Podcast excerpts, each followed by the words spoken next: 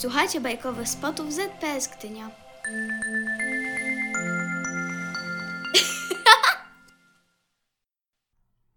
Listek z nieba. Hans Christian Andersen. Wysoko w przejrzystym i jasnym powietrzu płynął anioł Boży z rajskim kwiatem w ręku. Gdy podnosił do ust, jeden mały płatek oderwał się leciuchny i jak motyl biały spadał ku ziemi. W zielonym lesie upadł na grunt miękki i wypuścił korzonek. Potem kiełek w górę i zaczął rosnąć. A to co za przybłęda? zawołały zdziwione rośliny. Nikt go tu nie zna, z nikim nie jest spokrewniony, nawet niepodobny do nikogo. Natręt! Przypatrywały mu się z daleka z pogardą, ale nawet osty i dzikie pokrzywy rozmawiać z nim nie chciały. Musi to być jakiś potwór ogrodowy, zdecydowały po długim namyśle leśne sąsiadki. Czego tu chce między nami? I szydziły z niego pogardliwie, myśląc, że jest potworem sztucznie wyhodowanym przez człowieka. Po coś tu przyszedł? pytały go osty, o liściach najeżonych ostrymi kolcami. Każdy powinien żyć pomiędzy swymi. Po co tak rozpościerasz te swoje pędy? wołały inne drzewa i rośliny. Nie przybliżaj się do nas, a może myślisz, że cię będziemy dźwigały? Nadeszła zima. Śnieg pokrył ziemię i rośliny.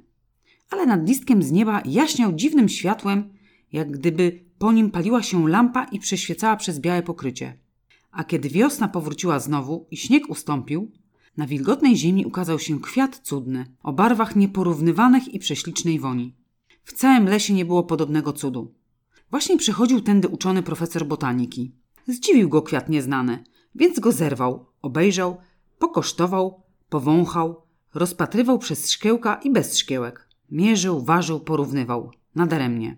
Nie mógł zaliczyć go do żadnej klasy, do żadnego rodzaju i gatunku. Wyrodek jakiś, rzekł wreszcie poważnie. Niepodobna go objąć żadną klasyfikacją, ani mu znaleźć właściwego miejsca. Okaz bardzo ciekawy, lecz nie ma nic wspólnego z naszym roślinnym światem. Nie ma nic wspólnego z naszym roślinnym światem? Niepodobna go objąć żadną klasyfikacją? Wyrodek, powtarzały osty i pokrzywy. Stare drzewa słuchały, lecz milczały same. Nie mówiły źle ani dobrze, co jest rzeczą najmądrzejszą na wypadek głupoty. Biegła przez las dziewczynka uboga, czysta i niewinna.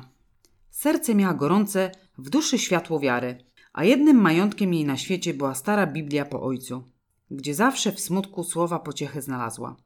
Dziewczę ujrzało cudowną roślinkę i stanęło zdumione. Jakaż piękna! Każdy jej listek zielony rozlewał woń rozkoszną i orzeźwiającą. Kwiaty jaśniały w słońcu, jak żywe płomienie, a z każdego zdawała się płynąć ku niebu nieskończona, cicha i słodka melodia. Dziewczę wzruszone ujęło gałązkę i pochyliło ją lekko ku sobie, aby nacieszyć się widokiem kwiatka, odetchnąć jego wonią. I uczuła nagle wielką błogość w sercu i wielkie światło w duszy. Chciałaby zerwać jeden chociażby pączek i mieć go przy sobie, ale nie śmiała pozbawiać go życia. Zwiędnie w niej dłoni, więc zerwała tylko maleńki jeden zielony listeczek i włożyła pomiędzy kartki swej Biblii. Tu pozostanie on zawsze jak świeży i pełen cudownej woni. Kilka tygodni potem dziewczynka umarła.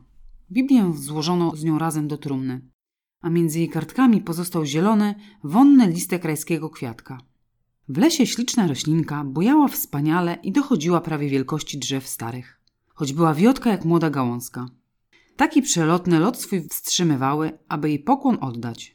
Promienie słoneczne pozdrawiały ją pierwszą co poranka – Jakiś obcy przybłęda najwidoczniej, szeptały między sobą osty i pokrzywy. Wszystkie włóczęgi znają go wybornie, lecz dla nas to wyrodek.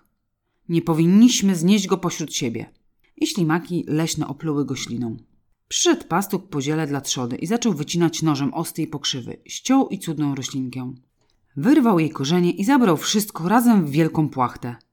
Przynajmniej będzie z was teraz pożytek, rzekł zarzucając płachtę na ramiona i stała się roślina rajską pożyteczną.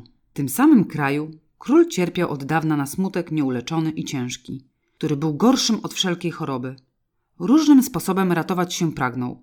Pracował pilnie, wytrwale, odważnie, czytał uczone dzieła, to szukał rozrywki, wesołości. Daremnie. Nic nie pomagało. I cierpiał bardzo, bardzo długie lata i prawie bez nadziei. Wtem jeden z mędrców, którego gorąco prosił o radę, śle do niego posła z wieścią radosną. W twoim królestwie w lesie starym rośnie kwiat rajski o cudownej sile i przymiotach. Jego woń, jego widok przywróci ci zdrowie. Tu następował opis cudownej rośliny tak dokładny, że nie można się było pomylić. Tak, to ona, to ona, powtarzali wszyscy, którzy bywali w lesie. Tak, tak, powtórzył pastuch. Pamiętam, a jakże? Sam związałem ją w płachtę, razem z pokrzywami. To już dawno. Nie wiedziałem, żeby takie ziółko mogło przydać się na co innego. Nie wiedział. Nikt nie wiedział. Ani uczony botanik, ani mędrcy królewscy. Roślina, której niepodobna było objąć żadną klasyfikacją. Cóż z takim być może? Szukano nadaremnie. Ani jednego listeczka nie można było już odnaleźć w lesie. Jeden był tylko w trumnie ubogiej dziewczynki. Lecz o tym nikt nie wiedział. Król zmartwiony sam udał się do lasu i oglądał miejsce, gdzie wyrósł kwiat rajski. Tutaj było dla mnie zbawienie, rzekł smutnie. Tutaj dotknęła ziemi nieziemska roślina. Święte powinno być to miejsce. Kazał je ogrodzić pozłacaną kratą, przy której powstawiono wartę.